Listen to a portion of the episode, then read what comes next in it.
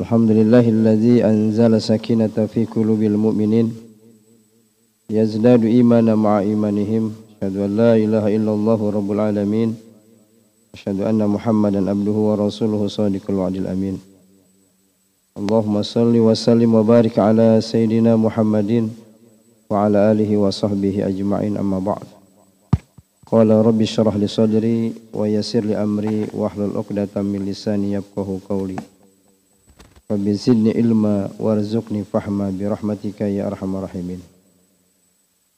Jamaah Masjid As-Sofia yang dirahmati Allah Subhanahu wa taala. Alhamdulillah kita sudah bisa melaksanakan sholat maghrib berjamaah. Mudah-mudahan ibadah kita, ibadah sholat maghrib kita diterima oleh Allah Subhanahu wa taala. Salam semoga tercurah pada Nabi kita Muhammad Sallallahu Alaihi Wasallam. Jamaah rahmakumullah pada kajian pada malam hari ini kita mencoba uh, mengkaji bersama-sama dengan para asatid uh, kitab Wasiatul Mustafa. Ini adalah wasiat dari Nabi kita Muhammad sallallahu alaihi wasallam kepada Ali bin Abi Thalib ada beberapa bagian tapi karena waktunya sempit ya kita hanya bagian yang pasal yang pertama saja kita bahas pada malam hari ini insya Allah uh, sebelum Isya sudah selesai insya Allah. Uh, Fahadhihi wasiyatul Mustafa alaihi alaihi salat wassalam. Ini adalah wasiat Nabi kita Muhammad sallallahu alaihi wasallam li Ali bin Abi Talib kepada Ali bin Abi Talib karamallahu wajhah.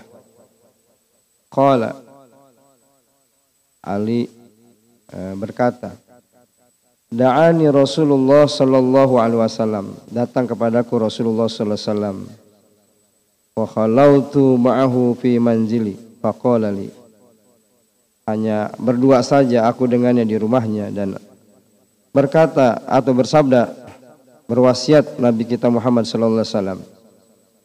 Ya Ali kata Nabi, anta minni bimanzilati Harun mi Musa.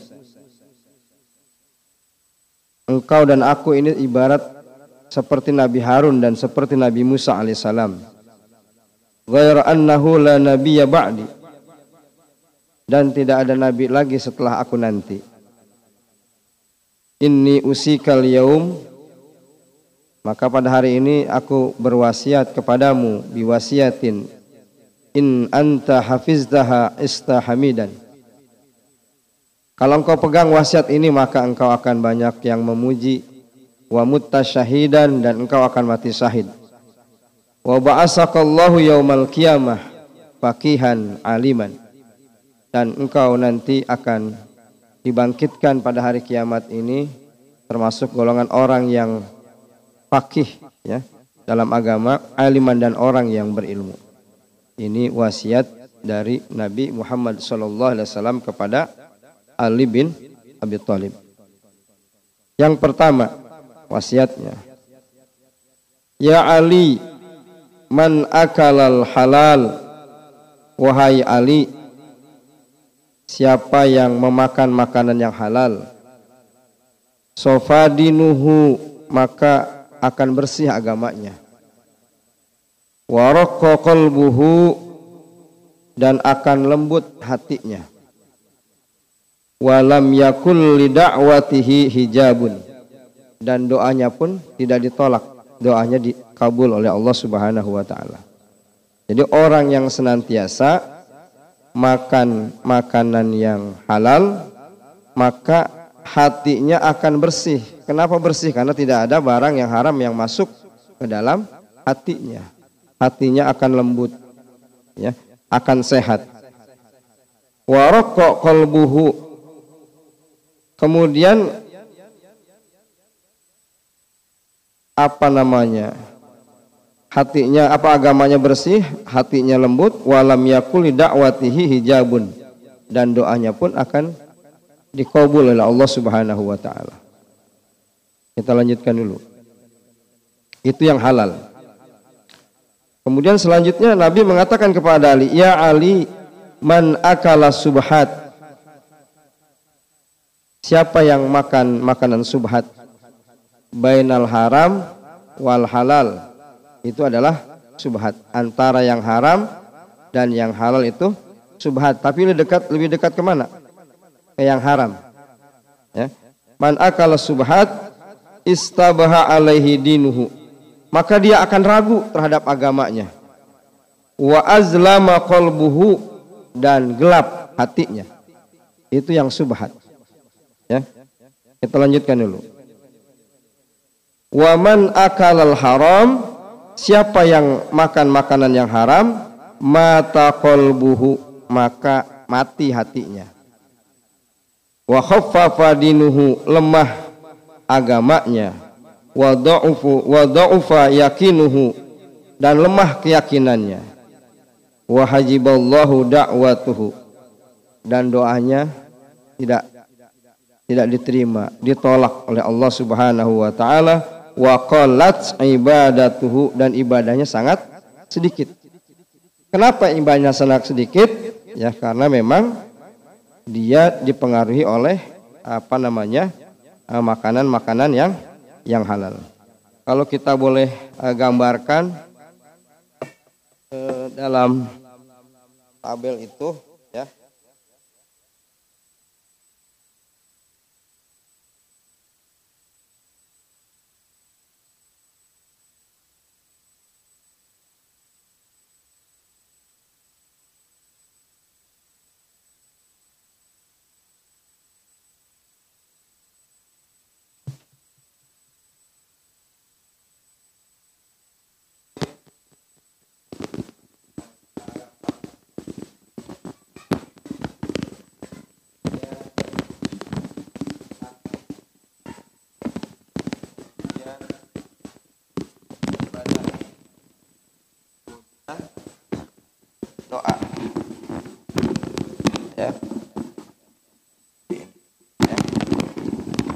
kalau yang halal tadi disebutkan dalam hadis ini ya kalau yang halal itu hatinya ber bersih ya. Kita gambarkan begini sajalah ya.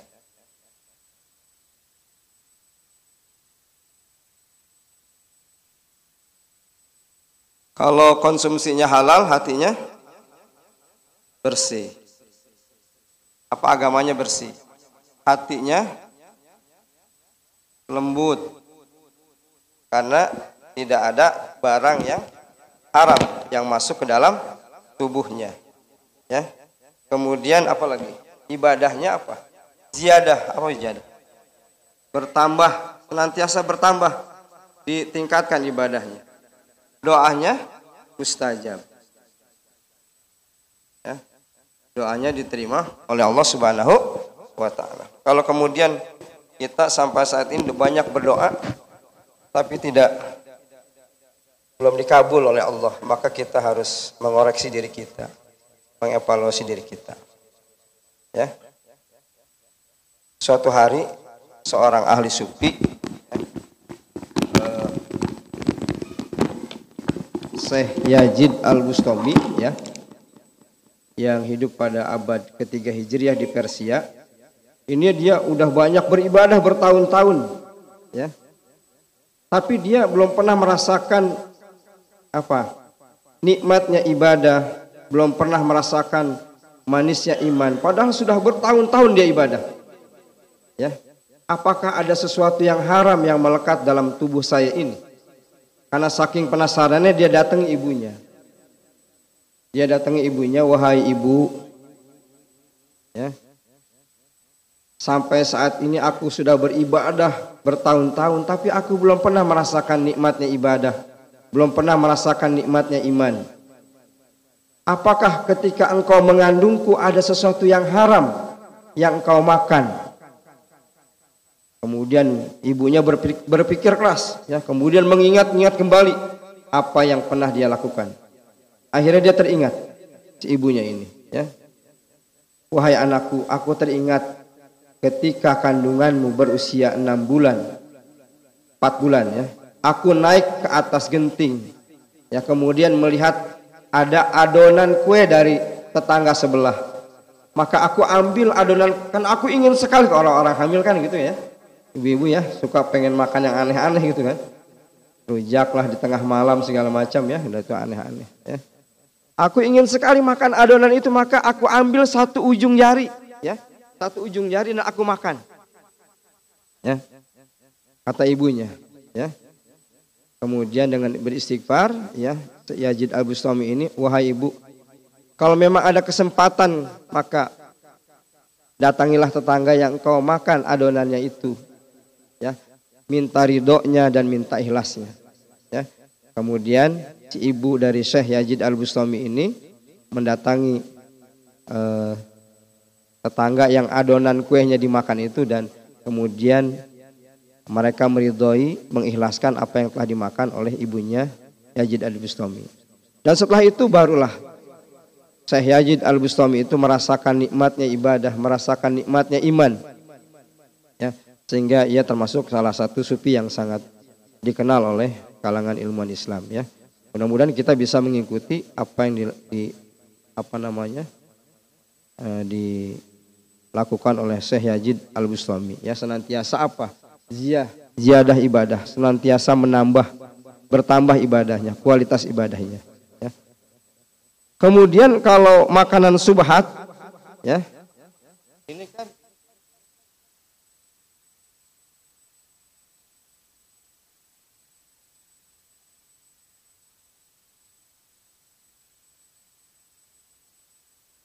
keyakinannya lemah ya keyakinannya ya kalau orang sudah lemah keyakinan terhadap agamanya ya juga tidak akan berpengaruh apa-apa agama itu pada dirinya. Ya. Kemudian hati menjadi apa?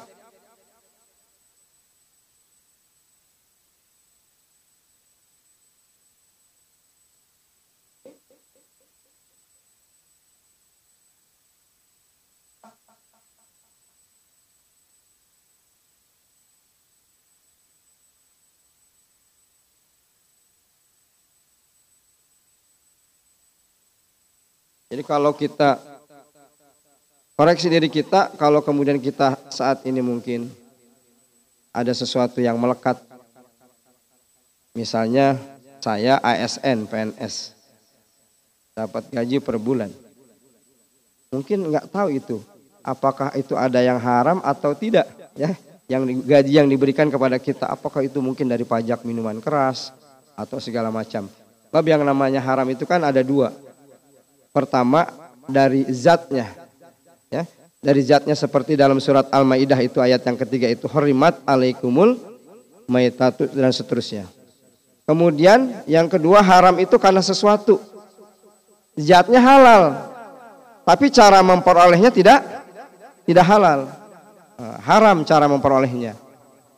Ini harta yang diperoleh, sesuatu yang diperoleh dengan jalan yang tidak halal itu maksudnya jangankan yang haram, yang halal pun akan ditanya oleh Allah. Ya dalam surat dalam hadis yang sangat terkenal itu, dalam hadis Tabrani itu, harta yang kita miliki, apa yang kita miliki saat ini ditanya oleh Allah min aina iktasabahu, dari mana itu diperoleh, wa fima untuk apa dibelanjakan. Oh, makanya orang-orang yang berharta itu akan belakangan masuk surganya karena mempertanggungjawabkan itu yang apa min aina iktasabahu dari mana harta itu diperoleh? Wa fima anfaqahu dari untuk apa dibelanjakan? Kalau kita sudah mampu mempertanggungjawabkan bahwa yang kita miliki ini yang kita punya itu dari jalan yang halal Allah masih bertanya satu kali lagi. Wa fima anfaqahu untuk apa dibelanjakan? Untuk apa digunakan? Kalau sesuatu itu haram ya itu di situ saja dia pertanyaannya ya. Dari mana ini diperoleh? Dari jalan yang haram ya sudah terus menerus dia tidak akan mampu melanjutkan pertanyaan-pertanyaan berikutnya karena di situ saja sudah tidak bisa mempertanggungjawabkan bahwa sesuatu itu adalah sesuatu yang halal, tapi sesuatu yang yang haram. Jadi itu. Ini, ya, jadi ragu. Ya. Kalau orang yang haram, makanan yang haram,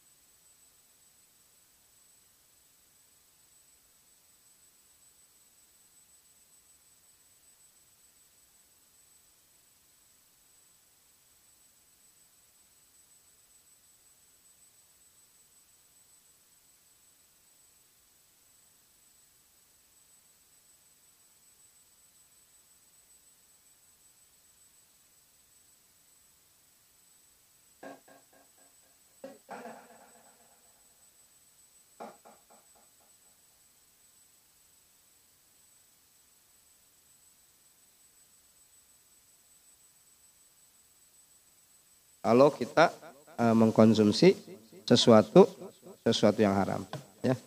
Ini. Oleh karena itu jalannya kita bertobat kepada Allah. Innallaha yuhibbut tawabina wa yuhibbul mutatahhirin. Kita bertobat kepada Allah mohon ampun kepada Allah ya. Kemudian kalau kita nggak mengetahui barangkali kita banyak berdoa juga ya.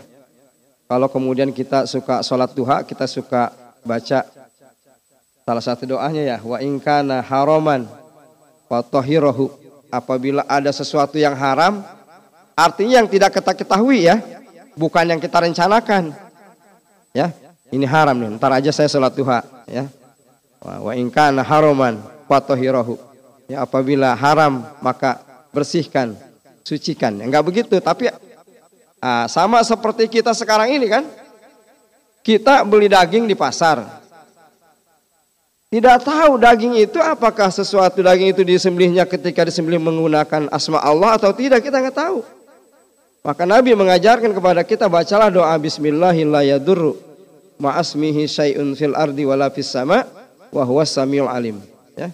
Ini apalagi sekarang musim virus begini, doa ini dianjurkan untuk dibaca. Ya.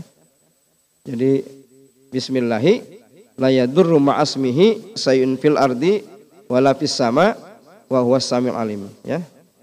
Jadi dengan menyebut nama Allah yang tidak memberikan mudarat ya. Jadi baik yang datangnya dari bumi maupun yang dari langit semuanya Allah yang Maha mengetahui ya.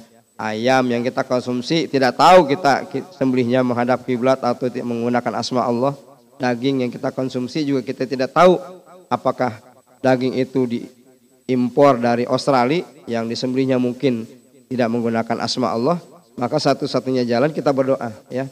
Tawakal tuh kepada kepada Allah bismillahi la yadurru ma'asmihi sayun fil ardi wala fis sama wa huwas samiul alim. Ya. Kita lanjutkan ya. Kemudian di sini hadis apa tausiah yang berikutnya, nasihat yang berikutnya. Ya Ali, idza ghadiballahu ala ahadin Wahai Ali, apabila Allah membenci seseorang, ya, apabila Allah membenci seseorang, rojaqahu malan haraman, maka dia akan memberikan harta yang haram, makanan yang haram. Fa ijastadda godobohu alaihi.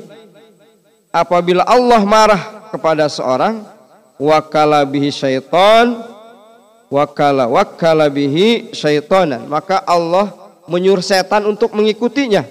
Ya. Yubarik lahu fihi ya. Wa yashabuhu menjadi temannya ya. Kemudian apa namanya uh, wa yasghaluhu bidunya.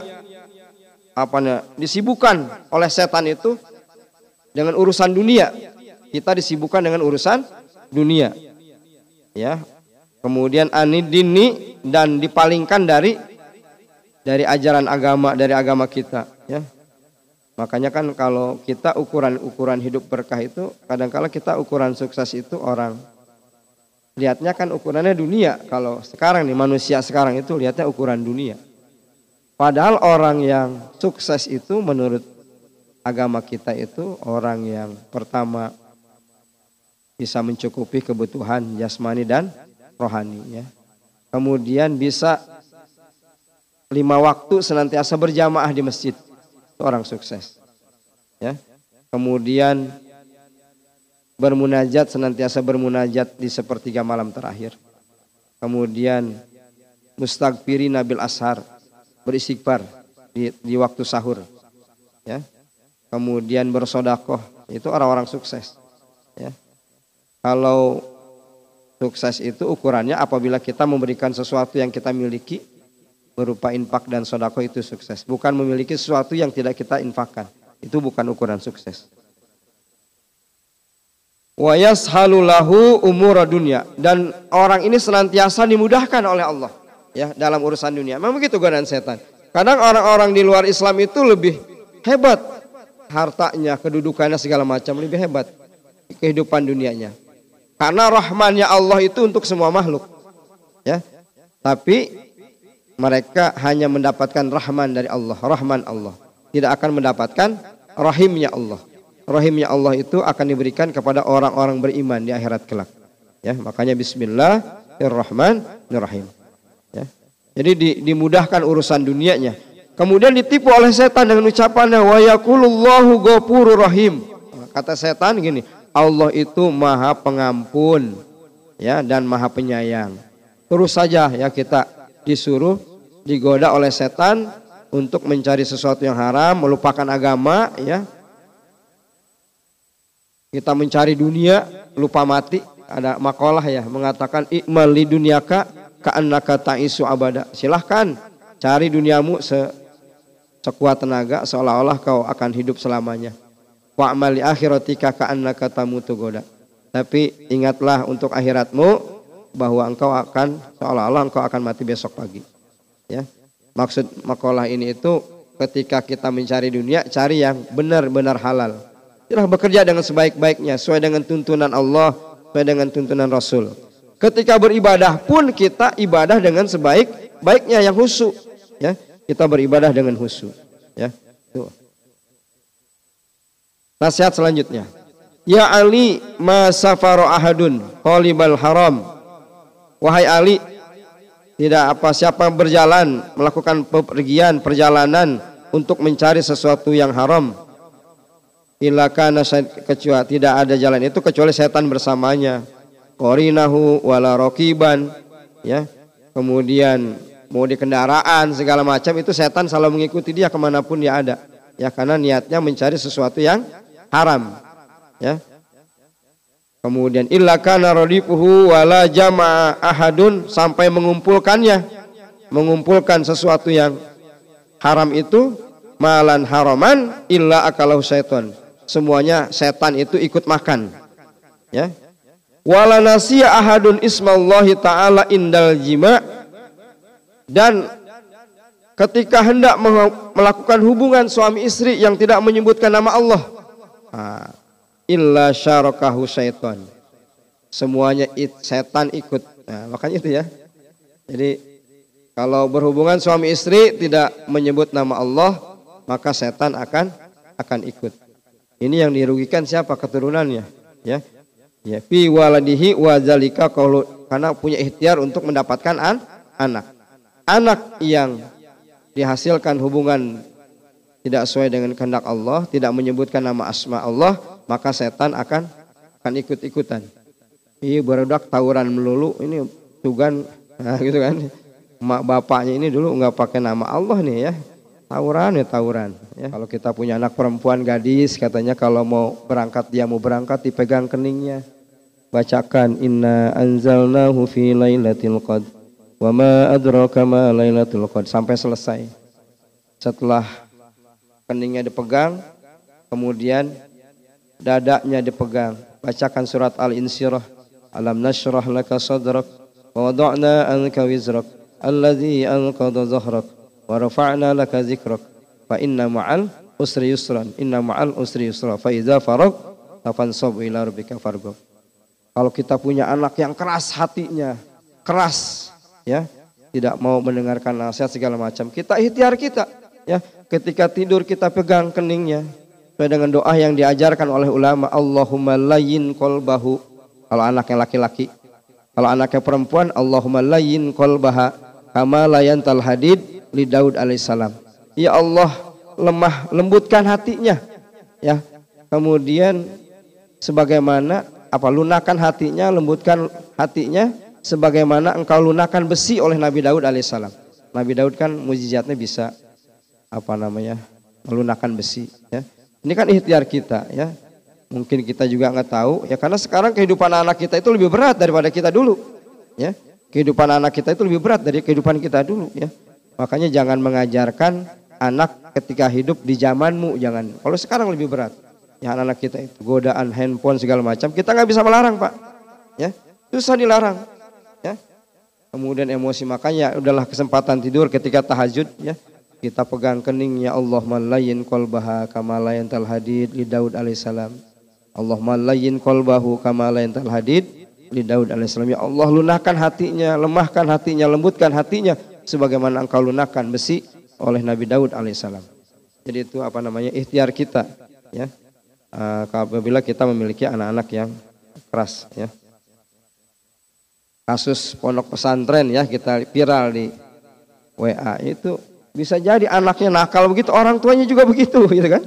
Dengan kiai itu kan, Masya Allah sudah tidak ada sopan santunnya, tidak ada akhlaknya ya. Pantas saja anaknya dikeluarkan oleh dari pondok. Ya bapaknya juga seperti itu. Ya. Nauzubillah min zalik. Ya itu. Ya. Kita lanjutkan. Makanya itu yang jadi korban berarti keturunan kita kalau kita apa hubungan suami istri tidak menggunakan asma Allah, ya. Jadi itu. Kita lanjutkan. Ya Ali, la yakbalullahu taala salatan bi la yaqbalullaha salatan bila wudu. Wahai Ali, Allah tidak menerima salat tanpa wudu. Wala sadaqatan minal haram dan tidak menerima sodakoh dari sesuatu yang haram. Apa? Mani landri, landri ya, mani landri. Cuci uang dengan bersedekah ya dengan sesuatu yang haram. Ya tidak akan diterima. Penjelasan dari hadis dari wasiat ini seperti kita mencuci celana dengan air kencing. Bukan tambah bersih, tambah kotor. Ya. Jadi kalau kita bersedekah sesuatu dengan sesuatu yang haram itu tidak akan diterima oleh Allah Subhanahu wa taala. Orang haji, orang umroh dengan sesuatu yang haram juga tidak diterima oleh Allah. Di dalam kitab Muhtarul Hadis ya, itu jadi jelaskan ya. Saya lupa hadis keberapa nih, ya. Jadi apa namanya pergi haji dengan sesuatu yang haram. Ini hadis yang ke-137. Idza hajjar rujulu bimalin haramin. Apabila seorang pergi haji dengan sesuatu yang haram. Fakola maka Allah mengatakan kepada orang ini labbaik. Kemudian orang ini mengatakan labbaik ya. Labbaik Allah ya. Tapi kemudian Allah qala lahu azza wa jalla la labbaik wala sa'daik. Tidak ada labbaik buat kamu, tidak ada sa'daik buat kamu. Itu kalau sesuatu yang haram yang digunakan untuk melaksanakan ibadah haji dan ibadah umroh. Ya. Jadi kalau sesuatu yang haram yang digunakan yang gitu akan malas-malesan. Ya. Kita lanjutkan. La yazalul mu'minun ziyadan ziyadatin fi dinhi ya jadi orang-orang yang beriman ini akan senantiasa bertambah agamanya ya akan bertambah agamanya maksudnya kualitas ibadahnya bertambah kuantitas ibadahnya berkatambah bukan hanya yang wajib dia kerjakan tapi yang sunnah juga dikerjakan yang wajib ibarat orang berdagang itu modalnya yang sunnah itu adalah un untungnya maka Perbanyak untungnya kita berdagang ini dengan mengerjakan yang yang sunnah. Ya. Malam ya kulil haram.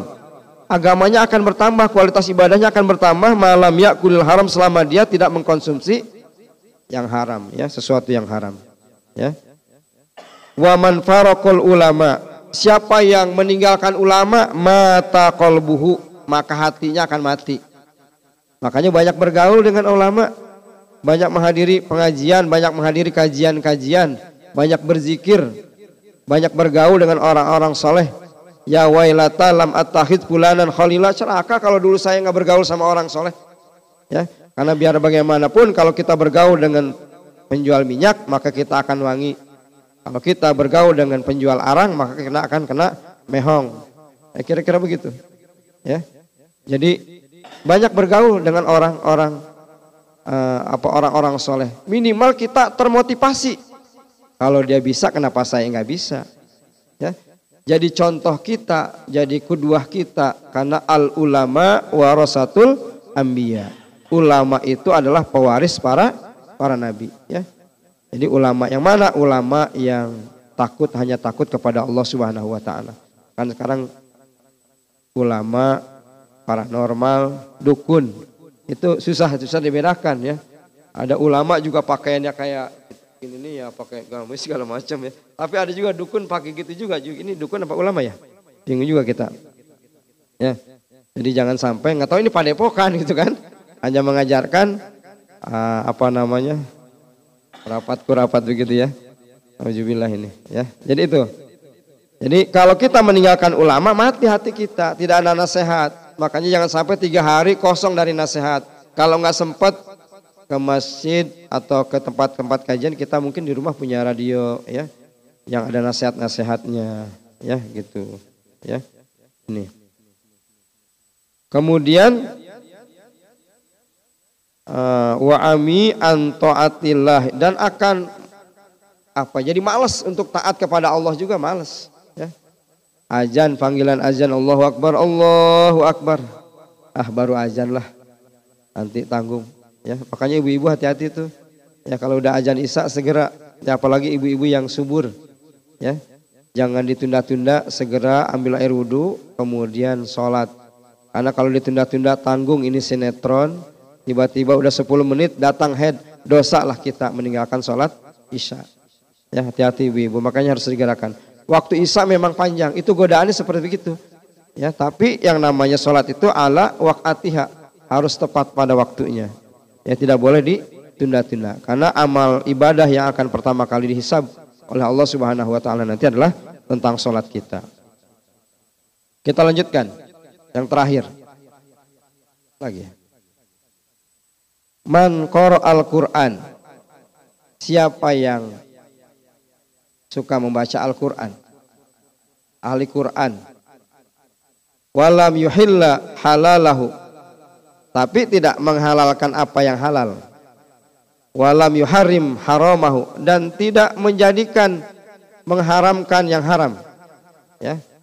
Jadi dia mem, me, apa namanya mencampur adukan antara yang halam, halal dan yang haram wala talbisul haqqo bil batil. Mencampur adukan antara hak yang dan yang batil. Tapi dia ngerti Quran. Ya. Minal ladzina nabazu kitaballah wa ra'azuhum naujubillah min itu sama juga dia melemparkan Quran ke belakang. Ya. Orang ahli Quran tapi tetap aja dia masih mengkonsum apa menjadi mencari sesuatu yang haram tidak menjadikan sesuatu yang haram itu haram tidak menjadikan sesuatu yang halal itu halal itu sama juga dia melempar kitab Quran itu ke bagian belakang dia. Alhamdulillahi Rabbil Alamin. Ala nikmatil imani wal islam. Wa ala nikmatil sihhati wal afiyah. Wa ala nikmatil ukhuwati wal jamaah. Asyhadu an la ilaha illallah wahdahu la syarikalah Dzul Jalali wal Ikram wa asyhadu anna Muhammadan abdu wa rasuluh al mab'utsu rahmatan lil alamin. Allahumma salli ala Muhammad wa ala alihi wa ashabihi al kiram. Faya ibadallah usikum wa iyaya nafsi bitaqwallah wa ta'atih la'allakum tuflihun. فقال الله تعالى في كتابه الكريم يا أيها الذين آمنوا اتقوا الله حق تقاته ولا تموتن إلا وأنتم مسلمون Bapak-bapak dan ibu-ibu yang saya muliakan dan dirahmati Allah Subhanahu wa taala. Alhamdulillah pada malam yang berkah ini kita dapat melaksanakan menegakkan perintah Allah Subhanahu wa taala dengan melaksanakan sholat maghrib secara berjamaah. Kemudian insya Allah sampai waktu isya kita melaksanakan ta'lim. Semoga seluruh rangkaian ibadah dan amal soleh kita diridhoi oleh Allah Subhanahu wa taala. Salam dan sholawat tercurah kepada Nabi besar Muhammad Sallallahu alaihi wasallam yang telah membawa umat manusia minaz zulumati ila nur. Allahumma salli ala Muhammad wa ala ali Muhammad. Bapak-bapak Ibu-ibu rahimakumullah, salah satu tuntunan Islam kepada kita adalah agar kita dapat menjaga kesehatan dalam hidup ini. Karena sehat merupakan mahkota di dalam kehidupan kita as tajun dan tidak dapat dirasakan nikmatnya sehat kecuali bagi orang-orang yang sakit. Dan ketika kita hidup sehat, berarti kita menjalankan tuntunan Allah dan Rasulnya. Karena memang Allah mencintai orang-orang yang sehat, orang-orang yang kuat dalam hidupnya. Kesehatan dalam perspektif Islam tidak bersifat parsial, tapi bersifat komprehensif utuh dalam konteks penciptaan manusia. Kalau kita lihat manusia dalam Islam, maka dalam dirinya banyak sekali dimensi. Ada makhluk yang multidimensi maksud saya. Yang pertama ada unsur, barangkali unsur ruhiyah, ada unsur badaniah, jismiyah, ada unsur akliyah, ada unsur nafsiyah, dan unsur ijtimaiyah. Makanya dalam Al-Quran manusia banyak sekali Allah sebut ya dengan nama-nama yang berbeda yang nama itu mencerminkan fitrah kemanusiaannya. Kadang Allah sebut dengan kata al-insan. Dan kata insan ini selalu dikaitkan dengan dimensi akliyah. Dimensi pendidikan, dimensi pengajaran. Sebagai contoh misalkan surah Al-Alaq ayat 1 sampai 5 lah berkaitan. Surah Ar-Rahman misalkan 1 sampai 4. Dalam surah Al-Alaq Allah kaitkan ikro dengan insan. Artinya bahwa manusia itu ada makhluk akliyah. Makhluk yang butuh ilmu, butuh belajar, makhluk pendidikan dan pengajaran. Ikro bismi rabbikal ladzi khalaq khalaqal insana min alaq ikra wa rabbukal akram alladzi 'allama bil qalam 'allamal insana malam ya. Jadi taklim kalau kaitkan dengan kata insan. Artinya manusia itu adalah makhluk akliyah, makhluk belajar.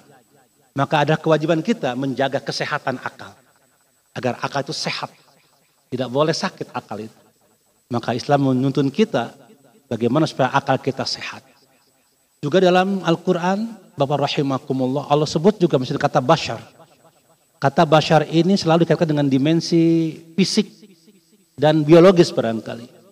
Misalkan dalam surah Al-A'raf ayat 31 Allah kaitkan kata bashar dengan makan dengan minum. Artinya manusia itu makhluk fisikly karena dia butuh makan, dia butuh minum, dia butuh berpakaian. Bahkan dalam surah Ar-Rum misalkan ayat 20 juga Allah kaitkan ya kata bashar dengan dimensi biologis.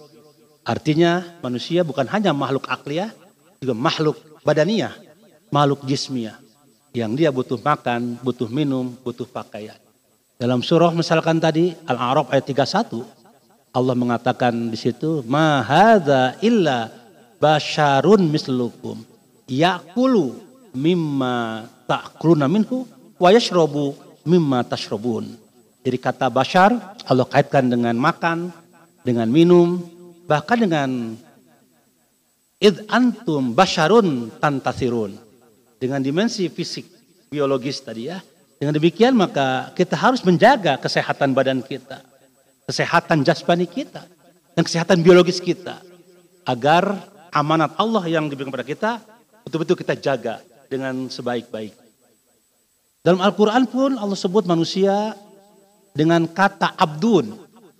Kata abdun ini dikaitkan dengan dimensi spiritual. Artinya Manusia adalah makhluk spiritual. Dia butuh Tuhan. Karena dia butuh ibadah. Dia butuh doa. Dia butuh ruku sujud. Dia butuh doa dan munajat dan lain sebagainya. Karena untuk menjaga ruhiyahnya. Menjaga nafsiyahnya.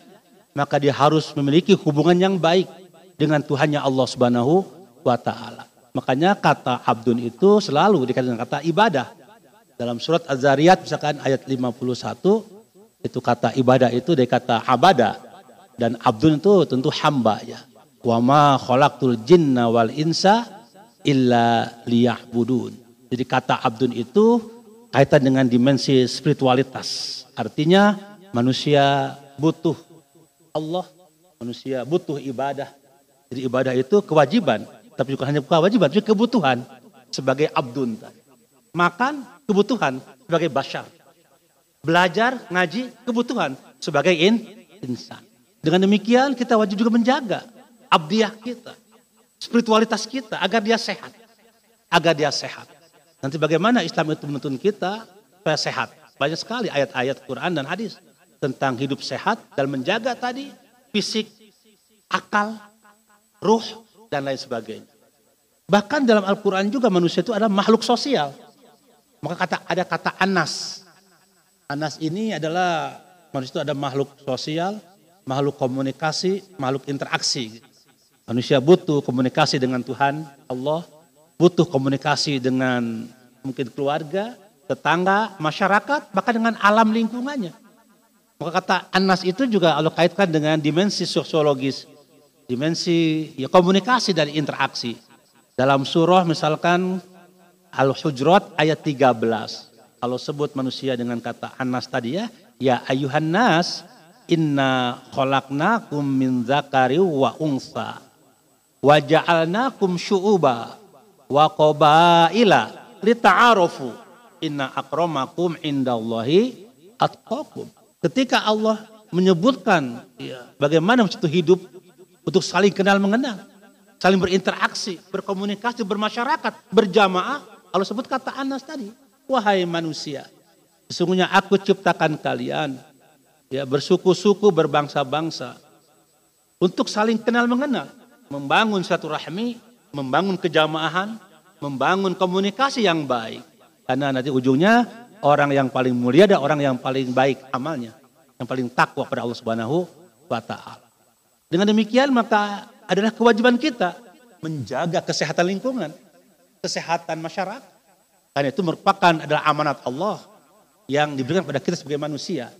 Anas, tadi juga Abdun, Bashar, Insan, Bahkan ada kata al-khalifah. Ini jailun fil ardi khalifah. Ini dimensinya dimensi manajerial, leadership, kepemimpinan barangkali. Karena memang itu adalah kullukum ra'in wa kullukum matun an ra'i ra'atihi. Kita ada semua pemimpin dan akan diminta oleh Allah pertanggungjawaban. Ada yang skupnya pemimpin ya, internasional, ada skup pemimpin nasional, provinsi barangkali, provinsi apa kabupaten, kota maja, kecamatan, desa, RW, RT, keluarga paling tidak kita punya amanat kepemimpinan untuk diri kita sendiri. Kullukum ra'in wa kullukum mas'ulun an ra'iyati. Maka harus sehat. Bagaimana leadership itu harus sehat. Menjeria hidup ini juga harus sehat. Adalah amanat dari agama kita. Dan zaman rahimakumullah. Jadi kesehatan dalam perspektif Islam bukan hanya kesehatan fisik saja. Tapi bagaimana kita menjaga kesehatan akal kita, kesehatan ruh kita, kesehatan emosi kita, kesehatan fisik biologis kita, kesehatan juga masyarakat kita, dan lain sebagainya. Makanya salah satu indikator orang yang sehat adalah kuat. Ya. Kuat dalam melaksanakan ibadah, kuat melaksanakan tugas-tugas ya, sosial, Makanya dalam Al-Quran itu dalam surah An-Nisa misalkan ayat 9. Ya Allah wanti-wanti kepada kita. Wal yahsyalladzina min khalfihim dzurriyyatan di'afa khafu alaihim. Takutlah kalian meninggalkan generasi di belakang kalian. Generasi yang lemah. Yang lemah ruhnya, ruhiyahnya, lemah akliyahnya, lemah jismiyah badaniahnya, dan lemah kemasyarakatnya, keumatannya. Tidak boleh kita harus menyiapkan. Bahkan salah satu indikator pemimpin yang baik itu bastotan fil ilmi wal jism. Yang sehat, yang kuat akalnya dan kuat fisiknya, kuat badannya. Itulah Bapak Ibu rahimakumullah bahwa menjaga kesehatan hidup ini menjadi sebuah keniscayaan, keharusan bagi orang-orang yang beriman.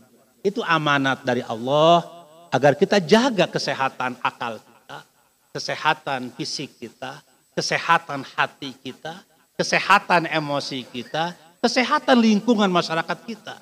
Itulah amanat agama. Bukan hanya barangkali ya hanya apa ya ya perintah-perintah manusia, tapi memang agama menyuruh kita. Jadi kalau kita ini hidup sehat karena Allah berpahala. Kalau kita menjaga kesehatan karena Allah dan Rasul berpahala. Dua nanti dapat. Di dunia dapat, kes sehat, di akhirat juga dapat, nanti pahala. Maka landasi. Hidup sehat karena Allah. Karena bukan karena semata-mata perintah ya siapa gitu kan. Dan itu adalah fitrah manusia. Karena fitrahnya itu sehat. Enggak ada yang ingin sakit kan. Itu fitrah manusia. Bagaimana Islam menuntun kita agar sehat. Agar sehat yang utuh tadi. Hanya sehat badan. Sehat akal kita. Sehat fisik kita. Sehat hati kita, roh kita. Dan sehat juga tentu lingkungan kita. Yang pertama misalkan Islam memberitakan kita agar hidup bersih. Menjaga kebersihan, kesucian ada dua istilah, ada kalau bersih nazofah barangkali ya. Soalnya ada an tuh minal iman. Tapi juga bersuci ya. Tohrun ya. Karena Allah mencintai orang yang suci. Inna allaha yuhibbut tawabin wa yuhibbul mutatohirin. Jadi bersih ya fisik, suci hati dan jiwa kan begitu. Apa contoh-contoh Islam itu nyuruh kita hidup bersih?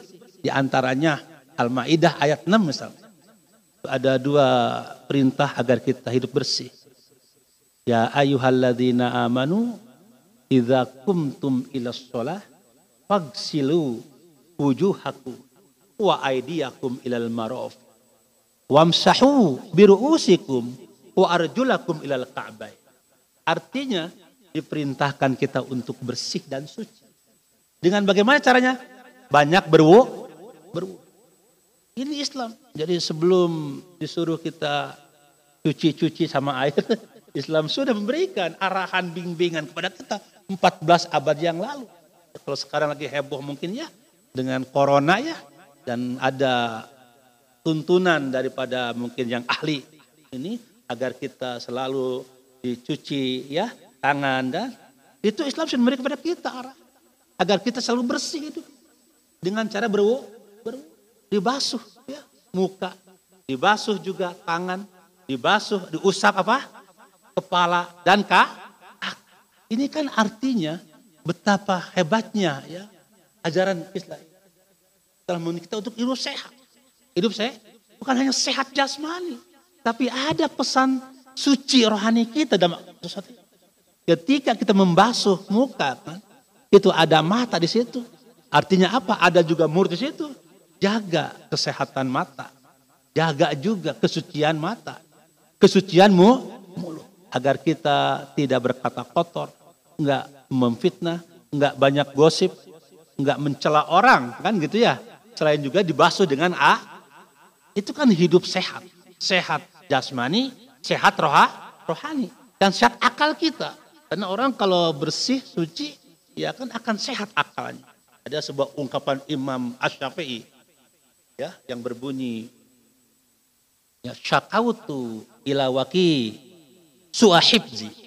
Aku bertanya pada guruku bernama Waki tentang susahnya belajar.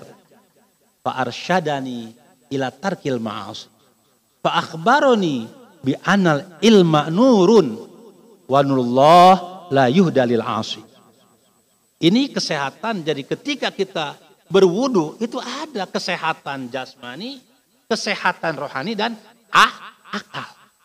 Karena orang berwudu dan bersih, suci. Dan ilmu itu akan masuk pada orang yang bersih. Ya, bersih hatinya, bersih badannya, bersih jiwa, jiwanya dan akal.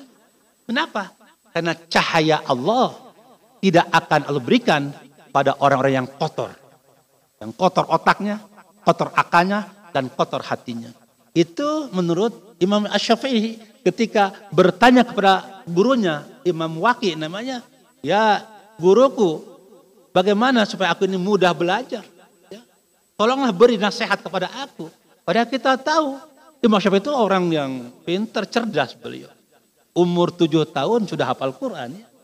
Beliau punya guru Imam Maliki. Imam Maliki punya kitab Al-Muwatta namanya. Beliau hafal kitab Al-Muwatta. Itu imam, tapi tetap aja beliau merasa kok ini susah belajar kan. Bertanya pada gurunya, kata gurunya, maka tinggalkan maksiat. Jadi tinggalkan, maksiat akan membuat kotor hati, kotor jiwa, kotor perasaan. Taati perintah Allah. Dan ketika taat, maka bersihlah hati dan kita mudah untuk apa tadi? Ya, menerima ilmu sebagai nurullah, cahaya dari Allah. Dan wudhu adalah salah satu perintah Allah agar kita sehat. Sehat jasmani, sehat rohani, dan sehat akal. Itulah Islam membimbing kita hidup bersih dan suci. Bersih dan su, suci melalui tadi perintah wudhu. Untuk itulah maka mari kita selalu dawamkan wudhu dalam kehidupan kita. Jangan pernah kita putus dalam keadaan suci terus diri kita. Baik dari hadas kecil, hadas besar. Karena wudhu yang dibasuh bukan tangan saja. Ya muka dibasuh, tangan dibasuh, juga kepala dibasuh dan juga kaki. Insya Allah kita se sehat. Sehatnya utuh gitu. Sehat jasmani, sehat rohani, dan sehat akal kita. Bahkan di dalam ayat tersebut juga ada lanjutannya. Wa in kuntum junuban fattoharu. Kan ya? Wa in kuntum junuban fattoharu. Dan jika engkau berhadas besar, maka bersucilah. Inilah Islam. Bagaimana kita disuruh berinteraksi dengan dengan air yang Allah sediakan kepada kita agar sehat. Dengan air agar saya bahkan diatur sama itu. Mana air-air yang menyehatkan? Ada air yang disebut dengan tohirun linapsihi wa mutatohirun ligorihi kan begitu tuh. Ada bab begitu bab air. Maka kalau kita buka kitab-kitab fikih umumnya selalu sistematikanya babut toharoh pertama kali. Betul ya? Babut. Bab bersuci. Bab bersuci. Ya. Bahkan kalau kita juga buka bulugul marom, ya, itu kan babnya yang bersuci itu. Yang bersuci. Ini kan Islam. Dari awal sampai itu memberikan kita guidance, tuntunan, arahan. Bagaimana kita menjaga kesehatan sebagai amanah. ya Kita tunaikan. Karena ini adalah titipan dari Allah hati, perasaan, pikiran, anggota badan, panca indera, titipan dari Allah. Yang harus kita jaga. Tidak boleh kita sia-sia. Maka itulah Allah berikan tuntunan kepada kita agar kita selalu dalam keadaan suci, bersih ya, dari hadas kecil dan dari hadas besar. Dengan cara tadi berwudu, misalkan bermaaf, tujuh mandi kan. Ya, kemudian juga misalkan ya disuruh kita untuk menghilangkan najis. Ya jangan sampai kita ini kotor, ya badan kita kan tidak boleh bernajis, juga pakaian kita, tempat kita, ya baik di rumah. Dan kalau misalkan rumah kita banyak binatang yang masuk, kan harus dibersihkan terus kan. Boleh misalkan kalau kata orang Sunda tuh tai kotok di mana-mana. Tuh tai kotok apa tai kotok? Orang Sunda ada ya Pak? Tai kotok apa tai kotok ya? Tai ayam ya, tai ayam di mana-mana. ya, uh, kucing juga ada sebagainya. Silakan aja. Tai burung, eh? kan tidak boleh kita membiarkan. Ya, mereka najis gitu kan. Nah, bahkan ada dalam agama itu ada tiga macam najis itu. Ada najis mugolazoh namanya ya. Ada najis mutawasitoh, atau najis mukhafafah ya. Itu kan Islam. Agar saya sehat. Jangan sampai kita ini kotor dan bernajis, tidak boleh. Ya. Tidak boleh kita hidup ini ya mengotori mengotori badan kita, tempat kita tinggal, pakaian kita, bahkan nanti hati dan jiwa kita. Maka kalau ada kotoran dibersihkan. Ya. Baik kotoran hati dibersihkan kan dengan tobat, dengan zikir. Kotoran fisik dibersihkan kan dengan tadi itu menghilangkan najis. Ya kan ada caranya itu Islam. Rinci itu. Ada bayi yang belum makan apa-apa kecuali asi ibunya, pipis, kan ada tuntunannya, betul ya? Tuntunannya.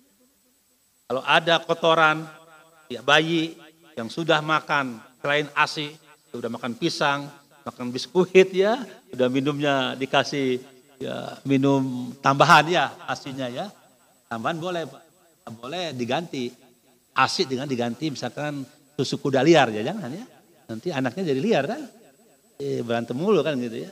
Karena dulunya mungkin nggak dikasih ASI gitu kan. Nah, boleh silakan. Tapi itu kalau dia pipis, mengenai pakaian itu najis. Mutawa, tawasito kan? Mutawasito ada tuntunannya. Ya, sampai hilang baunya ya, hilang warnanya, hilang rasanya. Ini Islam, rinci banget. Agar sehat itu jangan sampai kotor, najis itu kan. Pakaianmu, tempatmu tinggal, bagi tempat ibadah dan lain sebagainya. Kemudian juga di antara juga tuntunan agama kita sehat di antaranya ada sunnah Rasul yang kita laksanakan misalkan Rasul ya, nyuruh kita untuk menggunting ku, kuku ya betul ya itu kan sunnah ya dan juga mencabut bulu ketek ya pak ya bulu ketek kan juga sunnah itu Karena memang di sini kalau nggak dikata mungkin banyak kuman barangkali ya. Juga mencukur bulu dan sebagainya kan. Juga disuruh kita berkhitan. Kan ada tuh. Khitan itu. Luar biasa itu. Jadi kalau orang Islam itu harus berhi. Ketika dia bersyahadat berkhitan. Kenapa khitan? Tentu ada ini. Kebaikan, kesehatan buat buat manusia. Ini kalau dengan kita lah akan sehat ya kehormatan kita. Ini kan tuntunan agama. Bagaimana kita ini hidup saya sehat.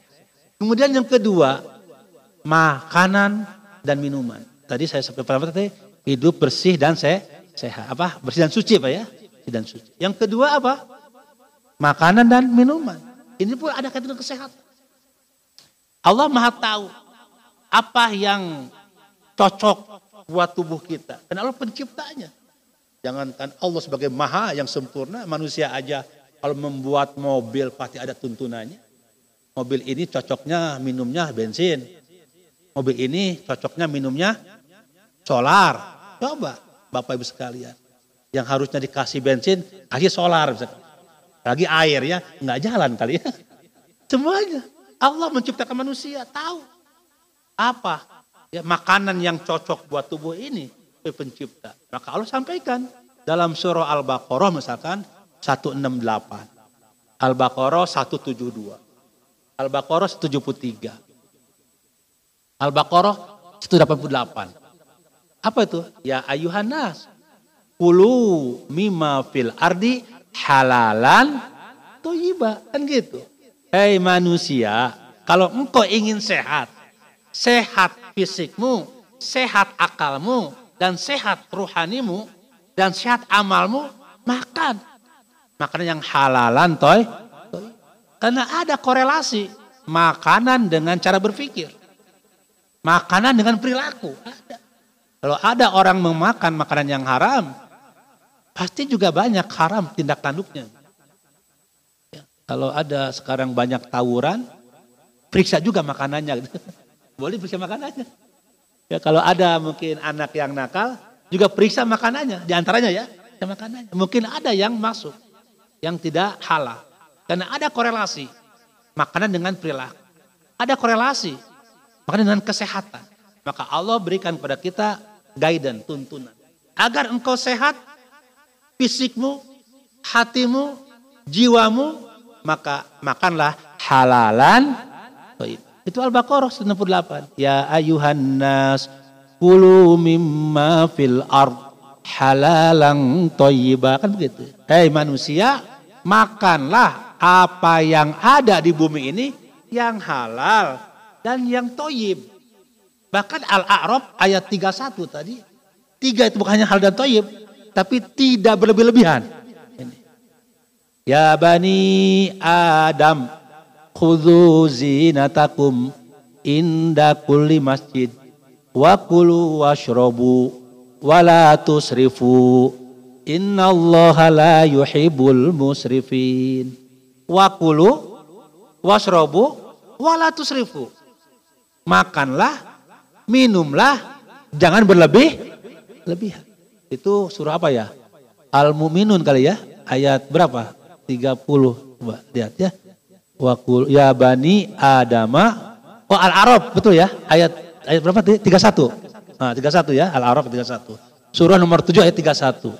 Ya bani Adam. Wahai anak Adam. Kudu zinatakum kulit masjid. Kalau engkau beribadah, masuk masjid, pakaian yang baik. Yang bukan yang bagus, yang bah, yang baik. Yang baik. Karena menghadap Allah. Kondangan aja yang baik, menghadap Allah masa pakai gambar tengkorak ya. Belum. Kudu zinatakum indah kuli masjidin. Wakulu washrobu wala tusrifu. Makanlah, minumlah, jangan berlebih. Lebih.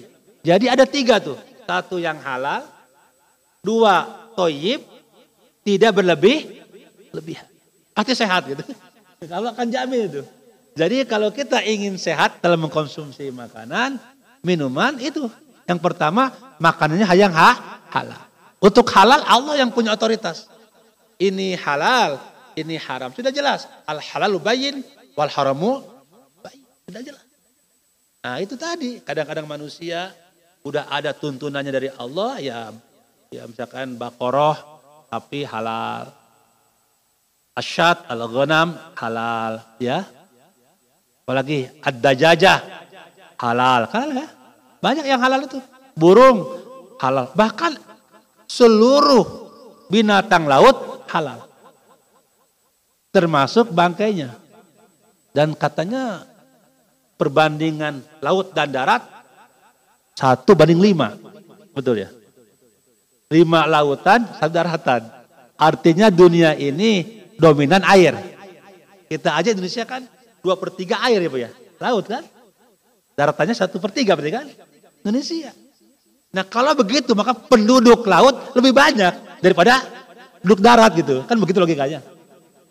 Kalau lautan itu lima, daratan satu perbandingannya, maka penduduk laut lebih baik.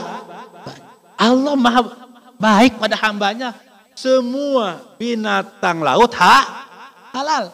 Sampai bangkainya pun ha. Berarti disediakan makanan yang halalan toiban buat manusia. Lima banding sa, satu. Semuanya halal. Cuman satu yang haram. Ini guyon Pak ya. Nyelorok kidul. Semua uh, laut kan beritanya apa halal ya. Bayangkan itu rohmannya Allah pada hamba-hambanya. Diberikan makanan yang begitu banyak di laut dan halal semua. Di darat juga ada yang halal. Tapi ada juga yang haram. Enggak boleh dikonsumsi. Hanya hurimat alaikumul maitat. Waddamu. Walamul khinzir. Kan begitu ya. Diharamkan untukmu memakan misalkan maitah bang walamul khinzir wadamu darah ya, marus ya daging babi dan Rasul mengatakan di sini ada juga ya hadis tentang makanan itu ya yang pertama kullu dzinabin minas siba fakalahu haram binatang buas yang bertaring itu haram kadang-kadang manusia sudah banyak yang halal kucing bertaring dimakan juga kelelawar dimakan juga. Ya apalagi ya? Ya monyet juga di dimakan. Darah juga dimakan. Itu kan haram. Itu harus tuntun kita. Supaya sehat, supaya baik badan ini, sehat badan ini, juga sehat hati ini, makan yang ha, halal. Dan yang toy, toy. Selain halal, toy. Kalau toy mungkin itu urusannya yang ahli ya, di bidang ya makanan lah ya. Ada kalanya daging kambing itu halal jelas. Tapi mungkin bisa toyib buat seseorang dan enggak toyib buat orang lain gitu kan. Kan bisa gitu ya.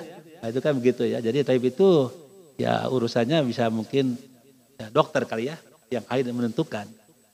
Ya, itu tapi juga yang ketiga jangan berlebih lebih. Jangan sekali-kali kita makan mengkonsumsi makanan yang halal dan toyib berlebih lebihan. Makanya Rasul kan ya menyuruh kita makan ketika lapar, berhenti sebelum kenyang. Bisa Pak? Saya nggak bisa tuh yang kedua tuh. Yang pertama bisa Pak. Makan ketika lapar, can sebuah can eren. kalau belum kenyang belum berhenti Pak. Tapi kalau ada undangannya di gedungan, aduh muter ya. Padahal sudah nggak memadai tuh perutnya. Apa sebenarnya kan gitu. Jadi perut ini Pak diisi sepertiganya ada makanan gitu kan. Sepertiganya ada air kan. Dan ada udah udara. Seimbang. Agar sehat. Jangan isinya apa tadi? Makanan semua. ya, makanan semua jangan. Harus juga diisi dengan ada ruang untuk udara, untuk air. Ini artinya apa? Wala tusrifu. Apa? Wala tusrifu. Jangan engkau. Itu pesan Allah pada Al-Quran dalam mengkonsumsi makanan. Kulu, makanlah, wasrobu, minumlah, wala tusrifu, dan jangan berlebih. Lebih. Inna allaha la yuhibul musrif. Karena Allah tidak suka pada orang yang berlebih. lebih. Bahkan dikuatkan dengan hadis Rasul yang berbunyi, Kul washrob walbas watasodak.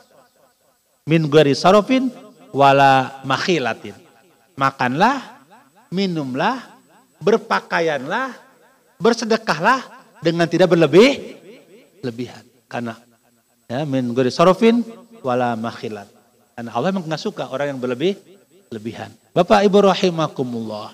Itu dari segi ya makanan dan minum minuman. Jadi agar hidup kita sehat, ya, sehat jasmani kita, sehat rohani kita, sehat akal kita, maka itu juga dari segi maka makan. Mari kita selektif dalam mengkonsumsi makanan.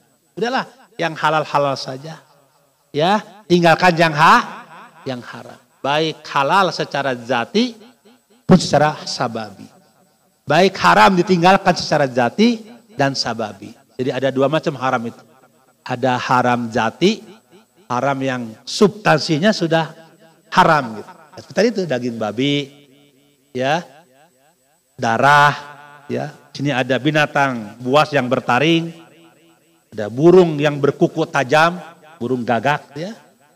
Juga keledai, jinak, al-khimar, al-ahliyah gitu kan. Nah, kemudian juga tadi ada babi, al-khinzir. Nah, juga ada dalam satu keterangan ada binatang yang hidup di dua habitat kali ya. Bukan dua alam ya.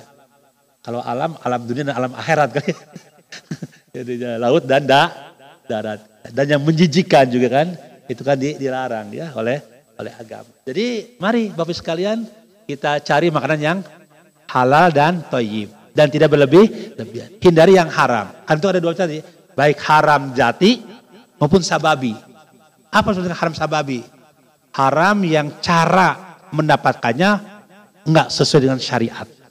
Itu Al-Baqarah 188. Wala taqulu amwalakum bainakum bil batil.